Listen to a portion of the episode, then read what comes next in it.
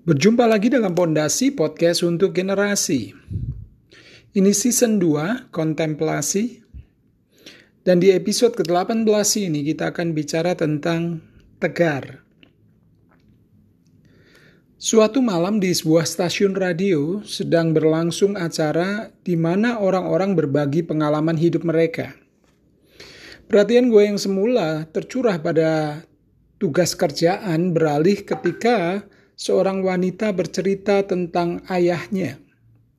Wanita ini adalah anak tunggal dari sebuah keluarga sederhana yang tinggal di pinggiran kota Jakarta. Sejak kecil ia sering dimarahi oleh ayahnya. Di mata sang ayah, tak satu pun yang dikerjakan olehnya itu benar. Setiap hari ia berusaha keras untuk melakukan segala sesuatu sesuai dengan keinginan ayahnya. Namun tetap aja hanya ketidakpuasan sang ayah yang ia dapatkan. Pada waktu ia berumur 17 tahun, tak sepatah ucapan selamat pun yang keluar dari mulut ayahnya. Hal ini membuat wanita itu semakin membenci ayahnya. Sosok ayah yang melekat dalam dirinya adalah sosok yang pemarah dan tidak memperhatikan dirinya. Akhirnya ia memberontak dan tak pernah satu hari pun ia lewati tanpa bertengkar dengan ayahnya. Beberapa hari setelah ulang tahun yang ke-17 itu, ayah wanita itu meninggal dunia akibat penyakit kanker yang tidak pernah ia ceritakan kepada siapa pun kecuali kepada istrinya. Walaupun merasa sedih dan kehilangan, namun di dalam diri wanita itu masih tersimpan rasa benci terhadap ayahnya. Suatu hari ketika membantu ibunya membereskan barang-barang peninggalan almarhum, ia menemukan sebuah bingkisan yang dibungkus dengan sangat rapi dan di atasnya tertulis untuk anakku tersayang. Dengan hati-hati diambilnya bingkisan tersebut dan mulai membukanya. Di dalamnya terdapat sebuah kalung dan di samping benda itu terdapat sebuah kartu ucapan berwarna merah ja, merah muda maksud saya, warna kesukaannya. Perlahan ia membuka kartu tersebut dan mulai membaca tulisan yang ada di dalamnya. Dan ia kenali betul sebagai tulisan tangan ayahnya. Ya Tuhan, terima kasih karena Engkau mempercayai diriku yang rendah ini untuk memperoleh karunia terbesar dalam hidupku.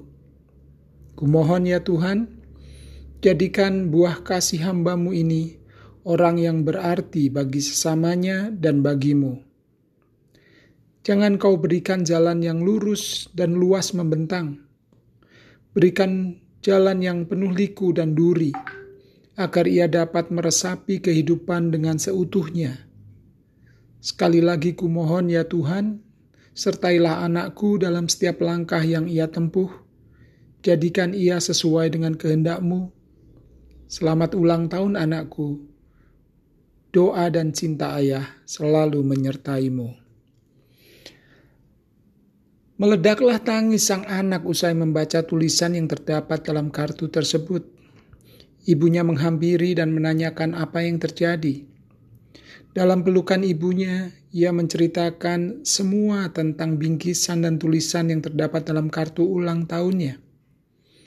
Ibu wanita itu akhirnya menceritakan bahwa ayahnya memang sengaja merahasiakan penyakitnya dan mendidik anaknya dengan keras agar sang anak menjadi wanita yang tegar, kuat, dan tidak terlalu kehilangan sosok ayahnya ketika ajal menjemput akibat penyakit yang dideritanya. Pada akhir acara, wanita ini mengingatkan para pemirsa agar tidak selalu melihat apa yang kita lihat dengan kedua mata kita. Lihatlah juga segala sesuatu dengan mata hati kita.